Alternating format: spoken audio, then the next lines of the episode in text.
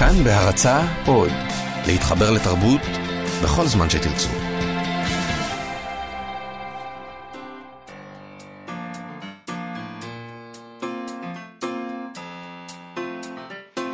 מה שכרוך עם יובל אביבי ומה יעשה לה.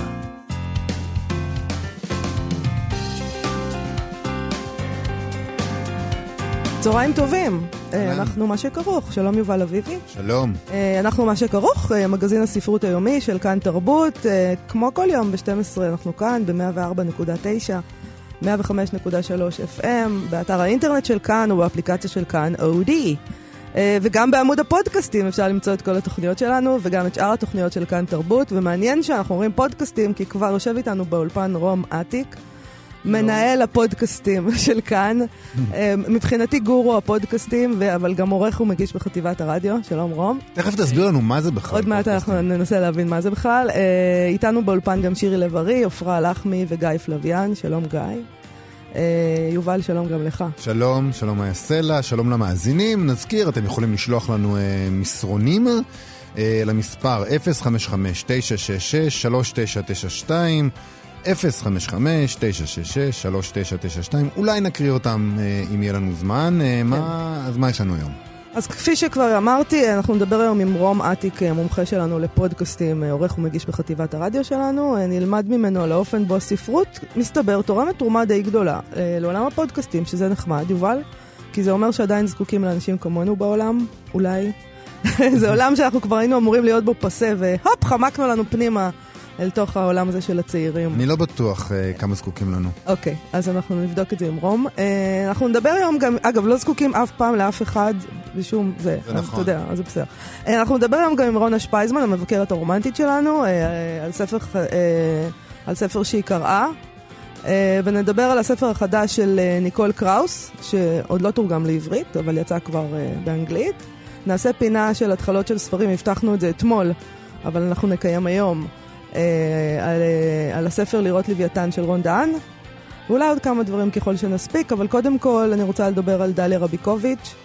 אה, אתמול לא ציינו 12 שנים למותה, אבל אנחנו נעשה את זה היום.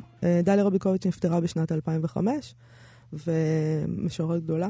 מצאתי סטטוס שהמשורר מאיר ויזלטיר כתב לפני שנתיים בעניין הזה, אה, כשזה היה עשור למותה. איך מצאת את הסטטוס הזה בעצם? והוא חלק אותו מחדש אה, עכשיו, אוקיי, הוא עושה אוקיי, שייר עוד פעם, אוקיי. אז, אה, והוא כתב, וזה היה מאוד יפה, אז אני, אני אקריא את זה. כי זה גם מעלה פה איזו סוגיה מעניינת לגבי העיתונות בעצם. אוקיי. אז כך כותב מאיר ויזלטיר: שוב אלול, הזמן רץ והשנים חולפות בחופזה. הנה מחר יום שישי, 21 לשמיני 2005, זה מאז, כן?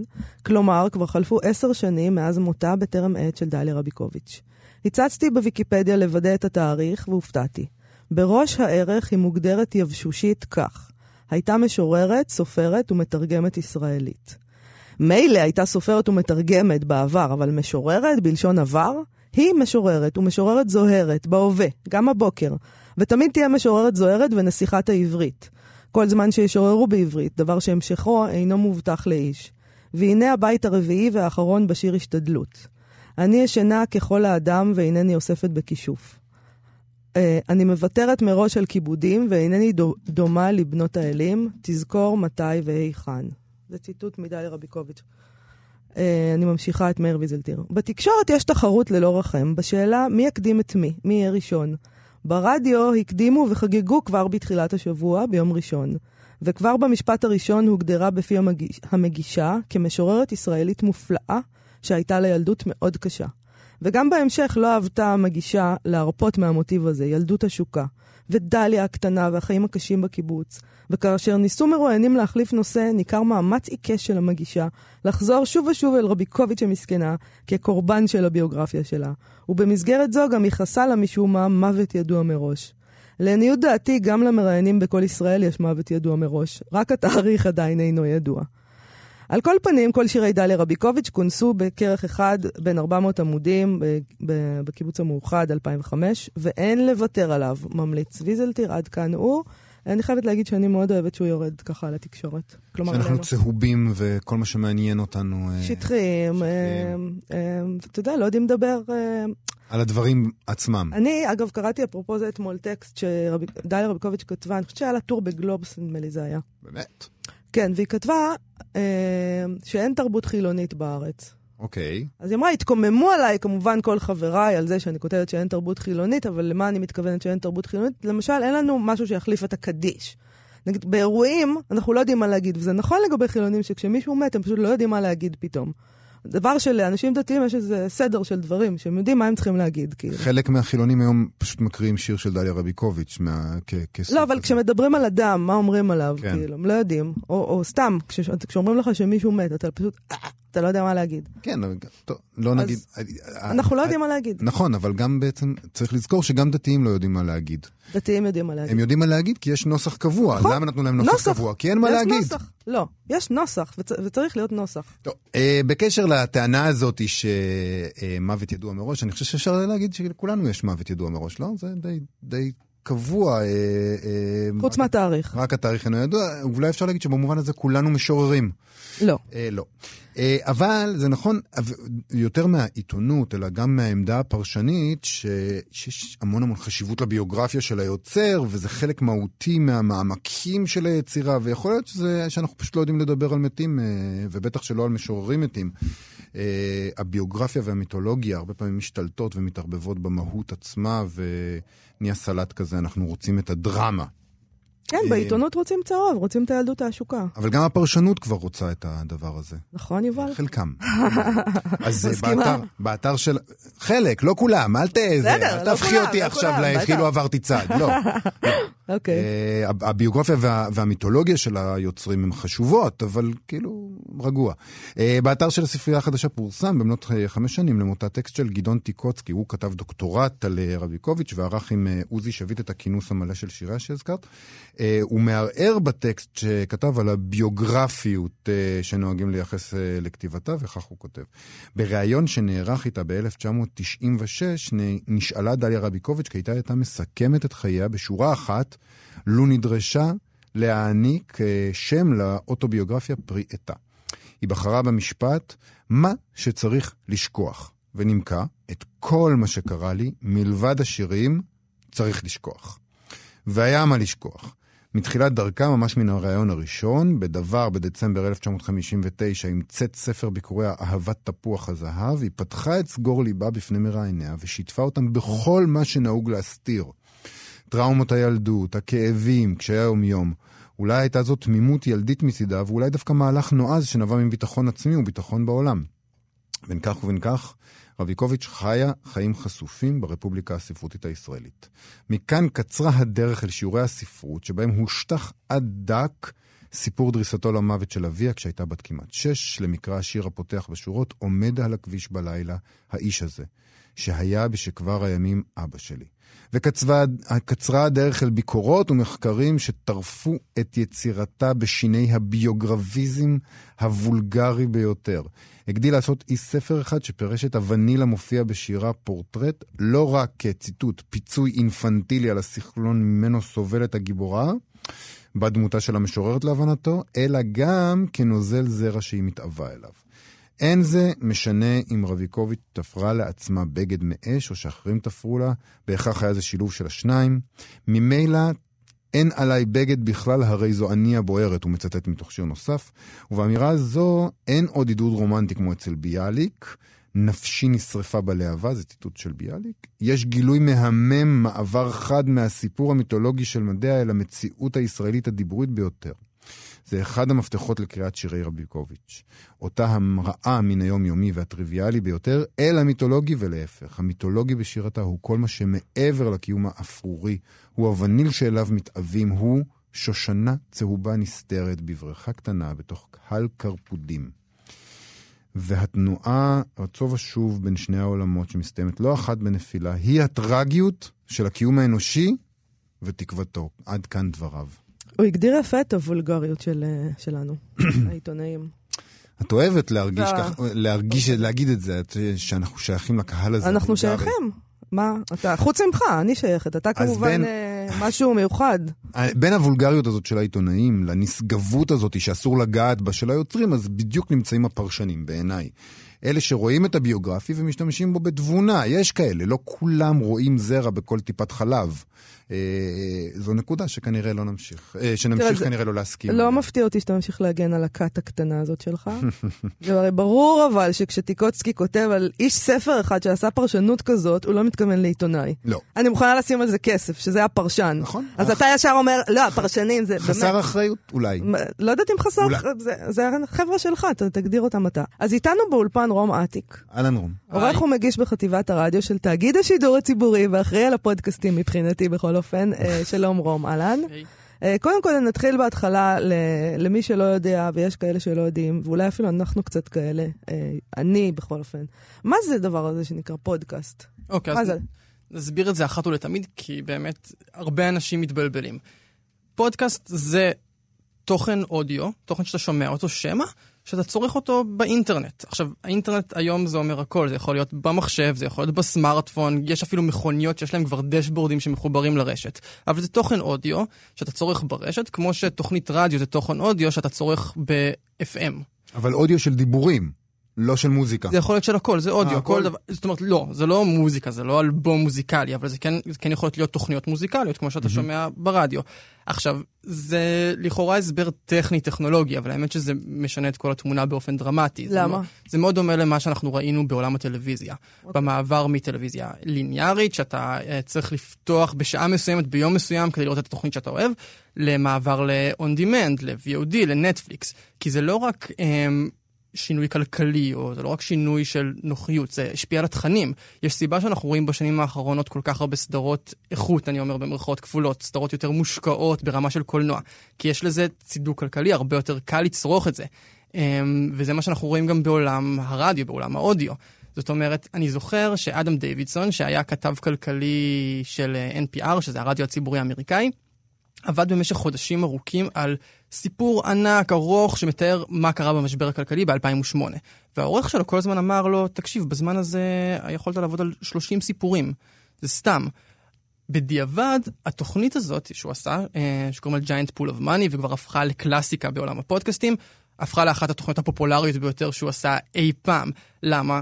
כי זה ברשת, ואנשים חוזרים לזה ומאזינים שוב ושוב ושוב, ויש צידוק גם מוטיבציוני וגם כלכלי להש... לה- להציג תוכניות שהן מושקעות ומופקות, והן כמו סרט קטן בראש. זה נורא מעניין, כי כל הזמן היה נדמה שהעולם, קודם כל היה את השיר הזה שהווידאו הרג את כוכב הרדיו. נכון? זאת כן. אומרת, אז שה- לא- לא יכולתי לדמיין לעצמי שאנשים ילכו דווקא לכיוון של לרצות להקשיב לפודקאסטים, זה קצת מפתיע, לא? זה מה שמדהים, זה, זה לכאורה דבר טרנדי, וזה כזה, קר- קראתי בדיוק בטוויטר, מישהו כתב, אה, יש לי פודקאסט, זה יש לי בלוג החדש. כאילו לכולם, כן. לכולם יש פודקאסט. נכון. אבל העניין הוא שאם אתם מסתכלים על רשימת הפודקאסטים הפופולריים, זה כולם דברים טובים. עכשיו, אפשר להתווכח מה זה טוב, מה לא, אבל זה... דברים הכל- מושקעים, הכל לא- דברים מושקעים שגורמים כן. לך לחשוב שיש יומרות, לפחות יומרות מאחוריהם, זה לא דברים שהם באים לבידור זמני. אז זה גם מפתיע. אז זה הדבר השני שמפתיע, שאנשים רוצים תוכן איכותי. ש... זה, זה מפתיע, לא? אני לא יודע. לא יודעת, זה מין עולם כזה של? קים קרדשיאן, וזה ככה אמרו לנו, איימו עלינו, והנה אנשים, זהו, כן זה רוצים לשמוע תוכנית ש- כלכלית. תחושה ו- כזאת שכאילו כל הדיבורים האלה על הולך ופוחת הדור, זה כאילו דיבור של זקנים, אנחנו לא מבינים את הדור החדש, אבל הדור החדש רוצה... היה דיבור כזה על תוכניות טלוויזיה, כמו שציינת, שהם הרומנים החדשים, לפני כמה שנים היה דיבור כזה, עכשיו על זה קצת סדרות. על סדרות. מה אמרתי? אמרו את זה על סדרות, לא על תוכניות, כן. על, על סדרות טלוויזיה, כן. נכון. הרומנים החדשים. מה, זה, מה, מה, מה רצינו להגיד? איזה הפתעה! הם רואים טלוויזיה טובה. מה ההפתעה בזה? אנשים רוצים תוכן איכותי, אבל הם לא האנשים שמיד הולכים לקרוא את אה, אה, אלף עמודים בשני כרכים של טולסטוי. למה לא? אולי הם לא אותם בהכרח, אנשים. לא בהכרח, אני אל אומר. תתנסה. אני מתנשא! את היית מתנשא. לא, אני התפלאתי על הדבר הזה. על זה שאנשים רוצים תוכן. אה, רום, הסיבה שאנחנו שביקשתי ממך בעצם לבוא לפה זה שאתה מוצא קשר בין האופן שבו, הדרך שבה עושים את הפודקאסט, קשורה בעיניך לספרות באיזשהו אופן, או שואבת מ- מהרעיונות, מ- מאיך שכותבים. לגמרי, אבל זה גם באמת רעיונות מעולם הספרות, ממש באופן ישיר חודרים לפודקאסטים הפופולריים ביותר, אבל גם זה יותר דרמטי מזה, אני חושב. Okay. אני אוקיי. חושב שבגלל שהאנשים האלה הם אנשים קוראים ואנשים ששואבים מעולם הספרות, אז זה מעניק לעיתונאים כלים חדשים. כלים לפתור בעיות שאנחנו בתור עיתונאים נתקלנו בהם, כמו למשל סיקור אזורי ספר, אזורים, מה שנקרא פריפריה, אזורים שרחוקים מהערים הגדולות. תכף אני רוצה להדגים בדיוק אה, איך זה עובד. אה, אני חושב שנתחיל אולי מלתת דוגמה מתוכנית של הניו יורק טיימס. אוקיי. אה, שזה היה, בעיניי זה סוג של שיא של הגל הזה. כי כשהתוכנית הזאת יצאה, אני רק אגיד, הניו יורק טיימס הוציאו פודקאסט בשם The Daily, כבר בתחילת השנה. הרעיון היה כזה, כל יום בבוקר, 20 דקות עדכון חדשותי, מה שאתם, מה שאתם צריכים לדעת במהלך היום. Um, הקשבתי לזה, האזנתי לזה, נחמד. זאת אומרת, זה, זה פונקציונלי, זה משהו ש, שטוב לאנשים מסוימים. זה היה טוב לי, מין סיכום כזה חדשותי. Uh, עזבתי את זה בצד. ואז פתאום שמתי לב שמתחיל דיבור סביב הדבר הזה. Uh, דיבור סביב התוכנית הזאת שקורה שם משהו מיוחד ולא שגרתי, וכולם המליצו על פרק אחד ספציפי שיצא בסוף מרץ. Uh, והאזנתי לו.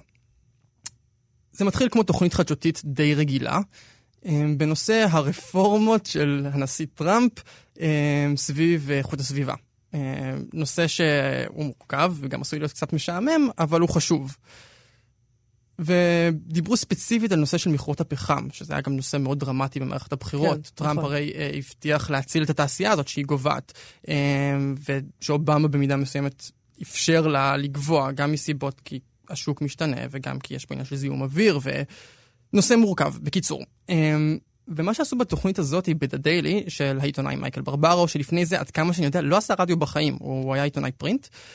הם ראיינו אה, קורא פחם, קורא פחם מקנטקי.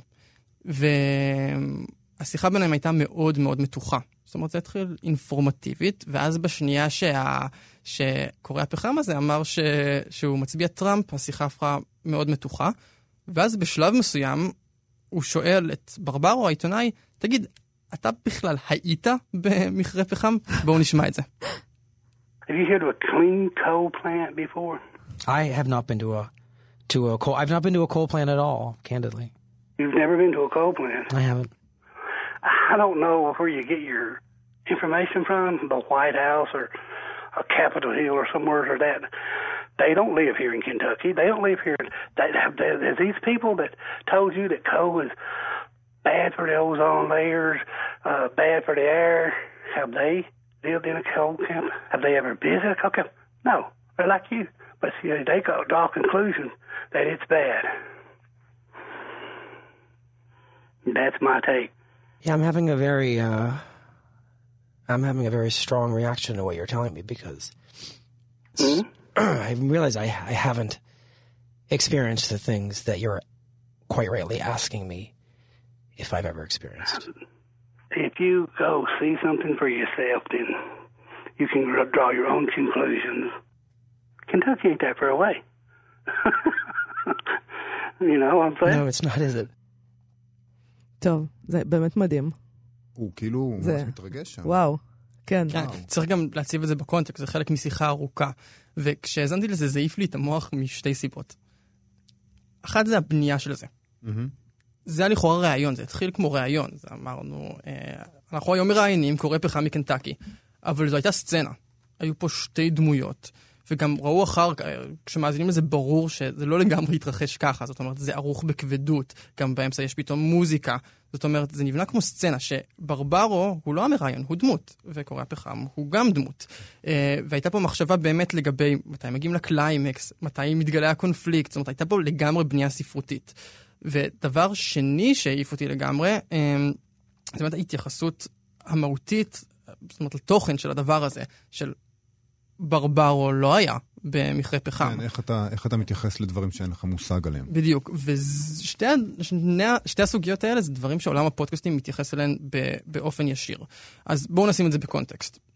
The Daily, תוכנית חדשותית שלוקחת השראה ברורה וישירה מ-This American Life. זו תוכנית רדיו אמריקאית מאוד מאוד ותיקה, אמ, שזכתה למין פופולריות מחודשת ורנסאנס בזכות עולם הפודקאסטים, שאפשר לתוכניות כאלה מושקעות ומורכבות להפוך לפופולריות. והעורך והמגיש של, אה, של This American Life, איירה גלאס, הוא הסנדק או האבא הרוחני של כל העולם הזה. הוא הנחיל את העקרונות האלה של איך מספרים סיפור ברדיו. ומה שמעניין זה שהוא למד באוניברסיטה ספרות, mm-hmm. ויש לו עניין רב בנרטיבים, ואיך בונים נרטיבים. והוא אומר שהוא גילה בתחילת הדרך שלו, שזה עובד נורא נורא טוב ברדיו. סיפורים בנויים היטב, עובדים טוב ברדיו. לפי ו... פורמט ספרותי ספציפי? לפי פורמט ספרותי, אפילו פורמט ספרותי במידה מסוימת פרימיטיבי. בגלל ששמעתי איזה הסבר שיש בזה משהו מאוד בסיסי בסיפור האוראלי. ככה התחילה הספרות, בסיפורים שבעל פה. Mm-hmm. ההורים, ככה אנחנו שומעים לראשונה סיפורים כשאנחנו במיטה, וההורים שלנו מספרים לנו. ויש משהו נורא נורא טבעי בסיפורים שהם מספרים. אמ, והוא גילה שזה פשוט עובד נורא טוב ברדיו. גם מהבחינה שזה כל הזמן גורם לך לשאול את השאלה, מה יקרה בהמשך? Mm-hmm. אתה נורא רוצה להאזין, זה לא ראיון אינפורמטיבי. וגם בגלל האפקט הרגשי שזה מביא. אמ, זאת אומרת, בתוכנית אחרת, אמ, בתחנת רדיו אחרת, ראיון עם קורא פחם, יכול להיות ראיון, אתם יודעים, שלוקחים ממנו אינסרט של 20 שניות למהדורה כן, של, מישהו, של מישהו זה. ופה, בגלל שיש פה אמ, פלטפורמה לדברים יותר ארוכים, דברים יותר מורכבים, או דברים שבאמת, שבאינטרנט יש מקום להכל, אז קרה פה משהו. זאת אומרת, אנחנו חווינו איזה משהו רגשי. זה קצת מזכיר לי, כשאתה מדבר על זה, את איך שנעשה, איך שנכתב הספר בדם קר של טרומן קפוטה, שהוא היה לכאורה או לא לכאורה, ה-non-fiction novel הראשון, הרומן הלא בדיוני הראשון, אה, שהוא קרא ידיעה קטנה על רצח, ב... אני אפילו לא זוכר אה, איפה זה, באיזה עיירה קטנה. הוא נסע לשם. נסע לשם, הוא כן נסע לשם, אבל הוא יצא מזה... הוא הלך לכלא, הוא הלך לכלא, פגש את הרוצחים, כן, הזדהה כן. מאוד עם הרוצחים, טקסט שחטף הרבה ביקורת גם, והוא מתאר את הרצח הזה ואת המשפחה ואת החיים של ה... זאת אומרת... הוא היה יכול לעשות אה, פודקאסט, סדרת פודקאסטים היום. בדיוק. זה מה שהוא היה עושה. זה מה שהוא היה עושה, בדיוק. הפודקאסט שהביא את הבום הזה. אה, והפך את הפודקאסטים לדבר כל כך פופולרי, הוא סיריאל. נכון. סיריאל שזה, כן, זה, זה מצד אחד הוא תחקיר. הוא לגמרי, לגמרי בדם קר. בדיוק, לגמרי. בדיוק זה. יש ידיעה קטנה בעיתון, כי, ה, כי השטף הזה של החדשות לא מצליח לטפל בדברים בצורה מעמיקה, ואז באים סיריאל, או טרומן קפוטה להבדיל, או לא להבדיל, אה, והולכים ועושים סיפור אמיתי. טוב, אה, אני חושבת שזה פשוט נפלא. אני מרגישה שאני עומדת לפני עולם חדש נפלא, שאפילו אני אוכל לשרוד בו. אפילו שיש שם אנשים צעירים כמו רום. לא, אנחנו, אנחנו, אני חושב, אנחנו שמה, אנחנו בפנים. אנחנו שמה. רום. אז אני רק יכול לתת כמה המלצות לטובת מי שהאזין לשיחה. אז כן. קודם כל, אה, באמת אה, The Daily. אפשר או לגגל The Daily New York Times, או לחפש באפליקציית פודקאסטים. אם יש, אם יש לכם אייפון, אז כבר מותקנת לכם אפליקציה. תחפשו במסך, זה מין אה, סגול כזה. אה, ואם יש לכם אנדרואיד, אתם יכולים לחפש טיצ'ר או פודקאסט אדיקט. אה, גם דיברנו על סיריאל, שבאמת זה פודקאסט מאוד מאוד פופולרי ומוצלח מצוין. גם. מצוין. נכון. אה, במיוחד העונה הראשונה שלו. נכון, העונה השנייה קצת, אה, אה, אה, הם לא, לא, לא, לא התעלו.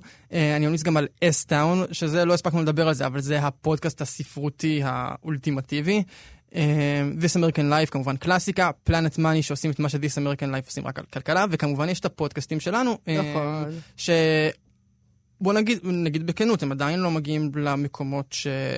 שהפודקאסטים האמריקאים הולכים אליהם, אה, אבל זה לגמרי בראש שלנו, אנחנו רוצים את זה, זה קשה. אה, אני, אני לפני כמה זמן שמעתי פודקאסט של צליל אברהם אה, על מחזור. על איך מתמודד... קיץ, כן, האמת זו דוגמה מעולה. זה ממש, אני הרגשתי את ההשראה באמת של סיריאל, של איך בונים את הסיפור, איפה מכניסים את האינסרט של מי שמדבר, וזה היה מרתק על איך מתמודדים עם מחזור במדינות עולם שלישי, וההשפעה הדרמטית, ואתה יושב מרותק, סיפור אדיר. אני ממליץ. אז באמת עבדנו על זה כמו שבונים טקסט, וגם צריך לומר, צליל זה לא במקרה, היא, היא, היא מגישה מחליפה בו בתוכנית, יש השראה נכון. ישירה מעולם הספרות. נכון. נכון. טוב, תודה, תודה רבה, רום אטיק. אוקיי, אה, יובל, אה, בוא נעשה את פינתנו, התחלות של ספרים. אה, אנחנו מדברים היום על רון דהן. אה, אני, שנינו לא עמדנו בתנאים של הפינה הזאת, אבל זו התוכנית שלנו. זו המסיבה שלנו, ואנחנו נבכה אם אנחנו נרצה. אוי, אנחנו אז, אה, בוכים כל הזמן. בבקשה, רון דהן. אז ככה, אה, לפני כמה זמן דיברנו על הספר אה, לראות לוויתן של רון דהן, סופר ועורך ומקמי החנות הדיגיטלית אינדיבוק. הספר הזה יצא בשנה שעברה. אבל כמו שאת אומרת, אנחנו מייצרים מציאות, אנחנו מדברים על מה שבא לנו. עכשיו, כשדיברנו על הספר הזה, נזכרתי שבכלל לא קראתי אותו. אה, אז החלטתי לעשות עליו את הפינה אה, התחלות של ספרים. אה, יש עם זה בעיה, כי צריך להסביר איך אנחנו עושים את הפינה הזאת למאזינים. אנחנו בוחרים ספרים שלא קראנו, באמת, ואנחנו קוראים רק את ההתחלה, ו- ו- וזהו, מפסיקים. וכל הקטע הוא לפרש ולנתח ולנסות לנבא אולי את, ההתח... אה, אה, את ההמשך מתוך המקום הזה. נכון. איך, מעין מפת דרכים לאיך קוראים אבל אקספוזיציה. דווקא העניין הזה של לא לדעת. לא לדעת, אוהבים, בדיוק. כן. אז הפ- הפינה נוצרה ממקום של אי ידיעה, והבעיה עם אה, לראות לוויתן זה שהתחלתי לקרוא את הפתיחה והמשכתי לקרוא, כי לא הצלחתי לעצור.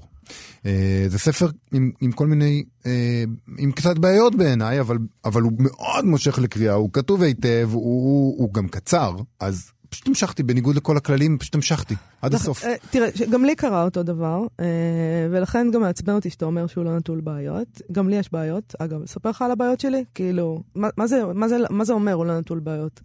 אה, סתם, זה סתם להיות נודניק. זה ספר נהדר ומאוד מפתיע בעיניי באטמוספירה הישראלית. כשהגעתי לפרק השני, ששם הייתי צריכה לעצור והמשכתי, ששם יש ביקור של הגיבור אצל זונה, כבר היה לי ברור שזה ספר נהדר ושאני לא אפסיק לקרוא אותו. אה, למרות שזאת קשה. הפרה של חוקי המשחק, אבל אי לה- אפשר, אי אפשר לעצור ברגע קשה. לעצור, עם פרק שנקרא הביקור אצל הזונה. הביקור אצל הזונה. מה, תעצור. פתאום. אנחנו אנחנו בני אדם, אנחנו אנושיים. אבל אני רוצה להגיד שאני חושב, אני זוכר מה חשבתי כשקראתי את הפתיחה, ואני גם לא בטוח שהבנתי את המשך הספר, אז אולי אנחנו בסדר. קדימה. אני אקריא אז את אולי הפתיחה. תקריא באמת, כן. מקריא ממש קצת, שזה אה, אפילו לא הפרק הראשון. פסקה אחת. אה, כשבוע לפני יום הולדתי ה-37, החלטתי להגשים חלום ילדות ולראות לוויתן. ההחלטה לא נפלה ברגע אחד ומתוך דחף פתאומי, אני לא אדם כזה, אך מרגע שהתקבלה, התבהרה התמונה העכורה ששרתה במוחי מזה זמן רב. מיהרתי והתקשרתי לגרושתי הטריה מירי, ושאלתי אם היא מוכנה להשגיח על מוקה, כלבנו המשותף עד לפני זמן קצר. והיא אמרה, למה יוני? אתה נוסע לאנשהו? ואני אמרתי, כן, מירי, אני נוסע. והיא אמרה, יפה לך ככה לנסוע באמצע החיים. ואני אמרתי, זה לא להרבה זמן, חודש מקסימום. אחר כך אקח אותו שוב. והיא אמרה, בסדר, יוני, אם זה כל כך חשוב לך. ואני אמרתי, תודה, מירי. וניתקתי. נפלא. נכון? זה טוב, אה? כן, כן, זה נהדר. הדבר הראשון שאתה נתקל בו הוא הלוויתן. הוא, הוא, ו, וחייבים להגיד שזאת פיגורה גם ספרותית וגם בכלל ב, אה, אה, תרבותית, היא עמוסה במשמעות, מופיעה לאורך ההיסטוריה האנושית באלף ואחד מקומות. אנחנו נציין את הברורים מעליהם, כמובן יונה הנביא, אה, שעובר מעין טקס חניכה לנבואה, אה, הכנה לתפקיד, הכנסה לתלם האלוהי בתוך מעמקי הדג. אה, יש את הובס, שראה בלוויתן אה, פיגורה שלטונית של ריבון אבסולוטי, וכמובן יש את מובי דיק, שכיוון שאני קראתי את המשך הספר, אני יודע שהוא, אה, שהוא נמצא שם בהמשך הספר, מן הסתם. אה, אבל הדבר ש... ש... אותי ריתק בשורה הראשונה, זה העובדה שלגיבור יש חלום ילדות, לראות לוויתן. כלומר, רק לחזות בו, להחזיר אותו, להפוך אותו אה, אה, מאמצעי רטורי וספרותי, מאיזה סוג של, של, שיש לו תפקיד, למשהו מוחשי, לחזור לדבר הראשוני הזה, לפני המילים. וזה הזכיר לי את ההפרדה הזאת בין הסמלי, הלשוני, הגברי, שזה הפרדה פסיכואנליטית שעושים, שהלשון היא דבר גברי והיא דבר מודרני, לעומת הראשוני, הטרום-שפתי, הנשי, שנקרא המדומיין בפסיכואנליזה. ואז בעצם הפתיחה הזאת משמשת, אה, משתמשת בכל המשמעויות האלה שאנחנו מיד נזרקים אליהן כבני תרבות, אה, כל המובי דיק והיונן, והכל, הכל, הכל, כדי להגיד, היי, אני רוצה לחזור למקום שבו עדיין אין את הדברים האלה. רק לראות את הלוויתן כמו שהוא. אז אם אני מחבר את זה באמת לדיכוטומיה הפסיכואנליטית הזאת בין הסמלי גברי למדומי הנשי, הרצון לראות לוויתן הוא בעצם רצון לחזור לאימא. אה, ואני מתכוון לחזור לאימא כפיגורה גם כן, כ... לחזור למקום הפשוט, המנחם הזה של טרום ההתבגרות, וזה גם הדובר מיד מבהיר, שזה לא דחף קפריזי, כי החזרה הזאת לילדות יכולה להתפרס כאיזה רצון לפרוש מהחברה האנושית, לעבור למקום של חוסר פליט, שליטה, של פראות, של פרימיטיביות, אבל הוא, הוא אומר, זה לא מה שעומד לקרות כאן, זה לא דחף פראי, יש פה מהלך מושכל של לחזור למקום אה, אחר. אה, כשדן מספר על מערכת היחסים הכושלת הזאת, אני מרגיש שהתיאוריה הזאת ממשיכה להתבסס. הגירושין מאישה שככל הנראה, ואני יודע את זה כי המשכתי לקרוא שוב, אה, אין להם ילדים אפילו, אלא רק כלב משותף. זה, זה מין כישלון אה, של הגיבור בחיים הנורמטיביים המסודרים שלכאורה כולנו ש... צריכים לשאוף אליהם, ועכשיו הוא מנסה לעשות ריסטארט לדבר הזה. זמן לעוד דבר? דבר קטן נוסף, מה שבולט בפסקה הזאת זה הקפדה של בני הזוג בדיאלוג לפנות אחד לשני אה, אה, תוך ציון השם. וזה משהו נורא מלאכותי, נכון? אנחנו לא מדברים ככה. למה יובל? אנחנו לא אומרים אחד לשני. יובל. אז את שומעת, מאיה, אה, ומאיה. ומה, כן. אה, זה מביע קשיחות כזאת, אי נוחות, אה, חוסר טבעיות של מערכת היחסים, וזה ברור, הרי הם, הם לא במצב אה, נפלא של מערכת היחסים שלהם, הרגע התגר- התגרשו, אבל אה, זה גם רמז למצב העניינים הלקוי שהדובר מוצא במקום הזה של הלשון, במקום שיש לו שמות, המשוים, המסודר, זה הדבר שהוא נמלט ממנו. זהו, זה מה שאני קראתי ב... גמרת עם הפרודיה? אוקיי. ידעתי אתה שתאהבי. יכול לעשות סטנדאפ עם הפרודיה הזאת. אה, תרוץ עם המופע הזה בקיבוצים. אה, אני... אני- שמעו בדיחה על פרשן. ממש, בדיחה על פרשן. פרשן אחד נכנס לבר. כאילו זה פשוט אה, דבר נהדר. אני רק אגיד שמדובר כאן בספר נהדר, אז במחילה מכבודכם, שיש בו משהו של הזמן הזה. אנחנו כל הזמן מחפשים כתיבה ישראלית חדשה, מקורית, טבעית. הנה, בבקשה. אז כדאי לקרוא אותו בלי להתחשב בהחרבה הפרשנית, שזה אתה שמעתם, של יובל אביבי. אה, ונעבור לדבר הבא. בהחלט.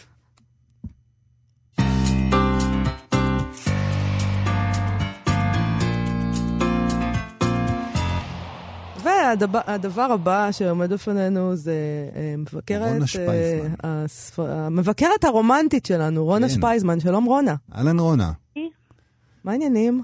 בסדר. אני מרגיש ששנים לא היית אצלנו. נכון, שנים לא הייתי, כי היה חופש וים ואוגוסט. אז וזה. מה, אז מה קראת בחופש הזה? על מה אז נדבר? אה, אנחנו קראתי את הספר בין עבודות של ליסה אורנס בהוצאת מטר. Mm, כן. אה, זה עוד ספר עם איור של אישה וקטורית בכריכה. אני חושבת שזה השלישי שלנו, אבל אה, כל פעם מזווית אחרת, אז זה בסדר. אה, מה זה אומר בעצם? זו- זה אומר שזה מה שמושך אנשים לקרוא, ולכן ההוצאות שמות את אה, איור של אישה בכריכה. כן, לא, רונה? נראה לי. אה, כן, זה כאילו קליל וחמוד ולא יקר, כי אפשר להוריד את זה של... זאת הסיבה, הכל קשור לכסף. לא, זה חשוב, אה, כמעצבת בוודאי, את הרי מעצבת, יש לך נכון. אה, עניין בכריכות גם, זה דבר שאנחנו כן, יש לי מדלגים עניין עליו. רב בזה, נכון. כי יותר חשוב לי רומנטיקה, עזוב, עיצוב זה... זה משני. זה אז. על מה הספר? אז ככה, הספר הוא על קלר, שהיא צעירה אנגליה שגרה בלונדון, והיא מתפטרת מהעבודה כדי למצוא מה היא רוצה לעשות בחייה. אמ, והיא לא מוצאת, שזה נקודת מוצא שבהחלט אפשר להזדהות איתה. אה, היא במשבר גיל ה-30 הידוע, מרגישה שאין לה אה, תוחלת אה, ומטרה בעצם לחיים, במיוחד שהבן זוג שלה הוא מנתח מוח בילדים. כמובן. ברור. רגע, כן. אנחנו יודעים מאיזה עבודה היא מתפטרת? כן, עם משהו, אה, תוכן, טל- טלמרקטינג. דיגיטלי, אה, תוכן, משהו תוכן, כן. אוי, לא, כן, אנחנו. כן, בדיוק. אה, אז כולנו יכולים להזדהות עם זה. אה, זה הספר הוא קצת אה, ברידג'י ג'ונסי בסגנון שלו, זאת אומרת, באמת בחורה בת 30 שבלונדון, שמחפשת את עצמה, ו- אה, אה, רק שהיא במערכת יחסים נורמטיבית, ואין שם הרבה דיבורים על משקל ועל סיגריות, אבל יש הרבה מאוד אלכוהול, היא שותה מלא. אבל היא בזוגיות, הזוגיות היא קיימת. בזוגיות, בדיוק, הזוגיות קיימת, זה ההבדל, אבל, ה- אה, אבל היא בעצם אה, שואלת את עצמה המון שאלות, כי היא עשתה טעות, קלר. הטעות שלה הייתה שהיא גדלה עם אימא אנגליה. אה. אם היא הייתה גדלה עם אימא ממוצא אחר, אני לא אגיד איזה, אז היו מלמדים אותה מגיל מאוד מאוד צעיר שהיא לא באה לכאן ליהנות. ואז היא לא הייתה שואלת את עצמה שאלות, היא פשוט הייתה הולכת לעבודה. אה, אבל כן. ברגע שהיא מחפשת את ה... נתנו לה אופציות, זאת הבעיה. בדיוק, נתנו לה אופציה לשאול בכלל ולהתחבט ולחפש להיות מאושרת, אז היא שואלת שאלות על גיל ועל רלוונטיות ועל ייעוד, וזה שאלות קשות. היא אומרת בעצמה שבעצם אה, ברגע שהיא התפטרה, היא הבינה שהבעיה לא הייתה בעבודה, וואו. שוק. אה, שוק. אבל היא גם אומרת נורא יפה שהמאמץ להסתיר את המפלצת בפנים, זה עבודה בפני עצמה. זה זה עבודה נכון. במשרה מלאה, וזה ממש נכון. זה נכון. וכולנו יודעים שבן אדם יכול להחזיק רק שתי עבודות. הוא יכול להיות בעבודה ובזוגיות, הוא יכול להיות בדיאטה ובעבודה, אבל הוא לא יכול להיות גם בעבודה, גם בזוגיות, גם בדיאטה וגם לחפש משהו חדש. זה בלתי אפשרי. זה יותר מדי משימות, זה נכון. בדיוק. אבל אה, אז היא מתחבטת עם זה, והיא עושה את זה ברגישות מאוד גבוהה. והאמת היא שאני, אה, לא היו לי הרבה ציפיות מהספר, בגלל שהיה כתוב מאחור בביקורת, צחקתי בקול רם. אוי ואבוי, זה הפוך ממה שאנחנו רוצים. בדיוק, בדיוק. צחקתי בכוח רם. אה, שגם אני לא מאמינה לזה אף פעם. זה לא, כאילו... כאילו, מי צוחק בקול רם? באמת. אני אף פעם לא צוחק בקול רם כשאני קורא ספר. אבל רונה, את פעם אמרת שאת בוכה, את יכולה לבכות כשאת קוראת. רגע, בכית? בכית? לא, לא בכיתי. לא, אבל זה קורה לך. אני גם לא בוכה כשאני קוראת, כי יש לא, לי לב לבכות של אבן. לא, לבכות קורה לי כמעט תמיד, כי אני סוג של מרשמלו, אבל ב... אה, לצחוק אה, זה לא קורה, ואני חושבת שזה הרבה יותר מביך. וצחקתי פה מלא. באמת? באמת. כן, אה, איזה כן. יופי. כן, בקול רם, בבריכה, במלון. אה, מעולה. כאילו, זה היה קצת מוזר. הסתכלו עלייך אה, מוזר, זהו. מי זאת כן. שצוחקת מול ספר? זאת התימהונית, ספר עם בחורה וקטורית על הכריכה. היא אמורה לבכות עכשיו, מה זה? זה לא מסתדר. בדיוק. אז אבל, נשמע אה, שנהנית, יופי. נהניתי מאוד, נהניתי מאוד. אחלה ספר, מי שעוד לא הספיק לטוס לים שלו, אז uh, שייקח את זה איתו, כי הוא באמת uh, כיפי נורא. בואי נזכיר אה, את שמו בדיוק. ואת... איך, אה, אה, איך קוראים לו? ליסה אבנס? עבו- בן עבודות. בין עבודות. של ליסה. אבנס. אורנס, סליחה. בהוצאת. מטר. מטר. אוקיי, כן. תודה נהדר, רבה. לך. אה, אנחנו, אה, רונה שפייזמן. אני ממש ננסה בפעם הבאה להביא לך ספר שיוריד דמעות. יאללה. להתראות. תודה רבה, להתראות. אה, יובל, יש לי כאן הודעה. קיבלנו? קיבלנו כן, מסרון. קיבלנו כמה מסרונים. כן. אני אקריא אחד שאומר ככה, פספסתי את שם הספר על הלוויתן ושם הסופר. בבקשה תזכירו שוב, בשמחה רבה. ממש, בשמחה. אה, לראות לוויתן של רון דהן, זה ספר שיצא בהוצאת פרדס, נכון? כן. אה, דבר השני שיש כאן זה, היי היי, אנחנו זכאים לתרגום. אתם עוקצים זה את זו בתארי התנשאות. אה, אבל לא מנגישים את הטקסטים. מה, זאת אומרת, אכן את- את. החלק- את החלק שהשמענו של רום יכול עתיק... להיות ש- אה, שלא- שרום, אה, מה שהוא השמיע מהניו יורק טיימס, אה, זה היה באנגלית ולא אה, זה, אז... אמ, אוקיי, אפשר להגיד, אפשר להגיד שבגדול מדובר על שיחה שבה הקורא... אמ, זה שיחה עם קורא פחם, ש... שהאשים את המראיין ש- שלו, שהוא לא שאומר בא לביקר למראיין שם. שלו, רגע, על מה, אתה יודע על מה אתה מדבר בכלל? אתה היית פעם במכרה פחם? ואז המראיין אומר לו במבוכה, אה, לא, אני כמעט בעצם... בבכי הוא אומר את זה. כן, כי זה רגע מאוד מאוד מב... עצוב ומביך. כאילו, אבל גם הקורא הזה נגע ללב, כי הוא היה בו משהו, איש מבוגר נשמע, נכון. שאומר, על מה אתם, אבל אתם לא יודעים על מה אתם מדברים בעצם. שזה נכון להגיד על אה, עיתונאים שהם לא יוצאים מזה, כמו לא. באולפן. אה, אז עכשיו אני תוהה אם להמשיך או לשמוע שיר. נמשיך, להמשיך. אוקיי, נמשיך. אה, אין לנו כל כך הרבה זמן לשיר, אז ככה. אה, אני רוצה לדבר על ניקול קראוס. בבקשה. אה, היא מוציאה עכשיו ספר חדש. כן. אה, עוד לא בארץ, אני מניחה שהוא כבר אה, בתהליכי תרגום. לרומן ש- חדש שלה קוראים דארק פורסט. בגרדיאן כבר הספיקו לכתוב עליו שהוא מבריק. אה, אז בואו רק נזכיר אה, שניקול קראוס נולדה בשנת 1974, היא סופרת יהודייה אמריקאית. אה, בוויקיפדיה כתוב שהיא נולדה בלונג איילנד. מהמם. בוגרת אה, אוניברסיטת סטנפורד ואוקספורד. היא לא הסתפקה ב... בחורה מוכשרת מאוד. אה, בארצות הברית, אה, אגב, יש עדיין מאוד אה, כבוד להשכלה. כן. ולאוניברסיטאות. זה, זה מקום שעדיין מכבדים את הדבר הזה. כמו שצריך. כן. אני, רוב. הסופרים שם, רוב הסופרים שם הם כאלה שלמדו בסטנפורד ובאוקספורד. אוקיי, בשנות ה-20 לחיי היא התחילה לכתוב שירה, זנחה את התחום ועברה לכתיבת פרוזה. הספר הראשון שלה היה אדם נכנס לחדר, אה, הוא תורגם לעברית, אה, יצא בזמורה ביתן. הספר השני שלה, תולדות האהבה, אה, יצא לאור ב-2005, היה מועמד לאורנג', אה, לפרס אורנג' לספרות נשים. תורגם לעברית, היה רב מכר פה וגם בשאר העולם, אני חושבת. אה, ויש השנה ספר, ש... אה, סליחה, סרט, שנעשה לפי הספר הזה, תולדות אהבה. כן. הוא כרגע מציג בקולנועים, עוד לא ראיתי. אה, גם אני לא. Uh, ב-2010 יצא הספר השלישי שלה, בית גדול, גם הוא יצא במחברות לספרות של uh, כנרת זמורה, uh, ועבורו היא זכתה בפרס אנספילד וולף. אני פשוט uh, עשיתי ויקיפדיה עליה, לא כזה... כן. כן, ב-2004 היא התחתנה עם ג'ונתן ספרן פרי. זוג המלכותי. הזוג המלכותי של הספרות כן. האמריקאית, אה, נולדו להם שני ילדים, נפרדו ב-2014. ובוויקיפדיה כתוב שנכון לשנת 2017 היא נמצאת בזוגיות עם הסופר והעיתונאי גון בן ארי. מה את אומרת? שלנו. גון שלנו. יש, כן. אה, יש נקודה ישראלית. אז זהו, אני ידעתי שתאהב את זה, כי אתה כן. אוהב רכילות וכסף. אתה קים קרדשיאן של הספרות. זה מי שאני. אז אה, זהו, אז אם. נתייחס רגע לספרות... אגב, גון בן ארי, כאילו, מה קורה עם גון בן ארי? אני, אני שומעת שהוא מאוד מאוד מצליח בעולם, אבל הספר הראשון שלו, שאני קראתי אותו בשעתו, היה נהדר. אני קראתי עכשיו את הספר עיון שלו, את הספרות. הספר עיון הקטן שלו יצא, יצא ב- בהוצאת קו אדום דק, עם סם... לא, לא אהבתי. לא? לא. אה, לא, לא הגיע אליי. לא. אוקיי, אני אעביר לך את אני העותק אקרא. כי אה, אתה לא מבין בדברים האלה. אני יודע מה אני חושבת. סבבה. אוקיי. אה, נחזור רגע לניקול קרוס ולספרות. אני קראת, היח- הספר היחיד שלה שבאמת אהבתי זה תולדות אהבה, אבל אני מודה שאני לא זוכר ממנו כלום, הוא עבר עליי כמו מים קרים ככה. אני אני לא מבינה את הדימוי הזה של מים קרים. מים קרים זה משהו שלא זוכרים? זה משהו שנעים לשתות, ואז כאילו, אה, אני כן דמיינתי מים קרים כאלה שמקפיאים אותך בסיביר לא, כעונש. כזה. נעים. אוקיי. אה, מה עם הספר החדש? אה, מדובר ברומן שיש בו שני גיבורים. אה, אני, אני כמובן מהגרדיאן, אני לקחתי את המידע הזה, אני לא קראתי עוד. ג'ולס אפשטיין הוא איש עשיר שמתגרש אחרי 35 שנות נישואין.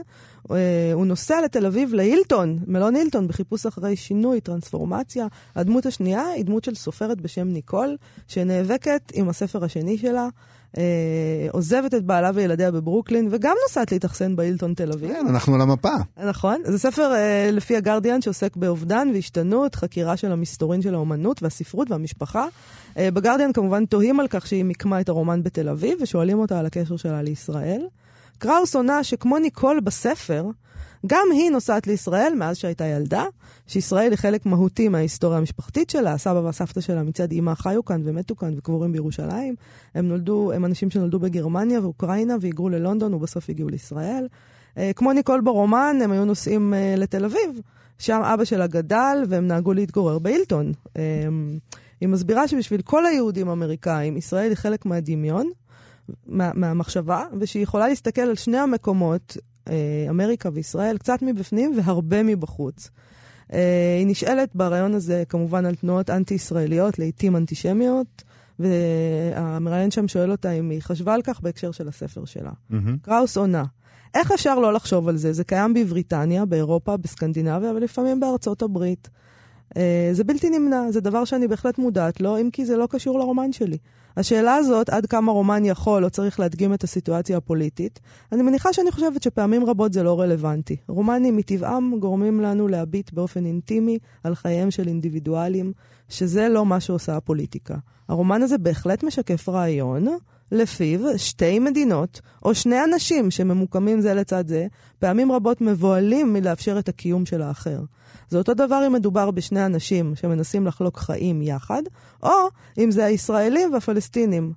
מה יקרה אם נרשה לעצמנו חוסר ודאות לגבי האחר ולגבי עצמנו? כך אומרת ניקול קאוס. אני תמיד, אני מתה מהאמירות האלה. אני כבר מתחילה לשמוע, כשאני קוראת את הדברים האלה, פסקול ברקע של Imagine של ג'ון לנון, כאילו, וזאת עוד, וזה עוד מבחורה שיחסית היא מכירה את ישראל, זה פשוט דיבור היפי, חלול. למה או למה אנחנו לא יכולים להסתדר? למה, יובל? באמת. אבל זה לא... כמו. זוגות, מה יש? הגנת פה על איילת ולדמן ומייקל שייבון שנוקטים עמדה נגד הנשיא טראמפ במכתב ליהודי העולם. איך זה בדיוק שונה? מה הם פחות היפים ממנה? כי היא אומרת משהו יותר מאוזן והם יעני קיצונים, סופרים, עושים בחירות אידיאולוגית שחלק ממארג בדיוני כזה, חלק מהיצירה. היא רוצה לרצות את כולם, הם רוצים לרצות את הליברלים הלבנים בלבד. או לפחות ככה עולה מהראיון איתה. אה, תראה, היא אומרת שזה אותו דבר, שני אנשים שצריכים לחיות אה, יחד, ושני עמים שצריכים לחיות יחד. שמת לב? זה, זה אמירה ישר מוודסטוק. סיסמאות, אם אתה רוצה להגיד, של שייבון וולדמן, הן לא קיצוניות, הם, אתה יודע, אולי קצת יותר אמיצים, כי הם, הם אומרים, צריך לסיים את הכיבוש. הם לא, היא לא אומרת את זה, היא לא מדברת על פתרונות. אגב, מה זה לסיים את הכיבוש בהשוואה שהיא עושה בין זוגות ליחסים בין עמים? אה. אני מניחה שהיא מציעה לנו להתגרש, פשוט. לא, שאני כמובן בעד. אני בעד להתחתן פעם אחת ולהתגרש פעם אחת בחיים האלה, אני חושבת שזה חובה. להתנסות, כן. צריך, צריך להכיר את הסיטואציות האלה. בכל אופן, עוד דבר זה ששואלים אותה במה היא מתעסקת, כשהיא לא כותבת והיא מספרת שהיא רוקדת. מסתבר שבשבע השנים האחרונות היא לוקחת שיעורי מחול בתל אביב ובניו יורק, אה, בטכניקת גגה. אה, שוב אנחנו. נהרין. אנחנו, כן, אה, ואני. אנחנו, אנחנו ואוהד, אה, היא אומרת שהיא מאוד אוהבת את העבודה שלנו ושל אוהד נהרין, אה, וזאת כותרת האפשרית לרעיון הבא, ליידי איתה? גגה. ליידי גגה. כמובן. אני לא מכיר אותה אישית, היא יוצאת ברעיון הזה אדם די בנאלי, לא? אה, כן, אה, אנחנו נהיה. בנאליים ונצטרך? לסיים. אה, נאחל בהצלחה לכל הצדדים. ותדמיינו עולם טוב יותר, פשוט תדמיינו אותו בדיוק, וזה יקרה. Imagine. תודה לעפרה לחמי, לשירי לב-ארי, לגיא פלוויאן. תודה לך, יובל, להתראות.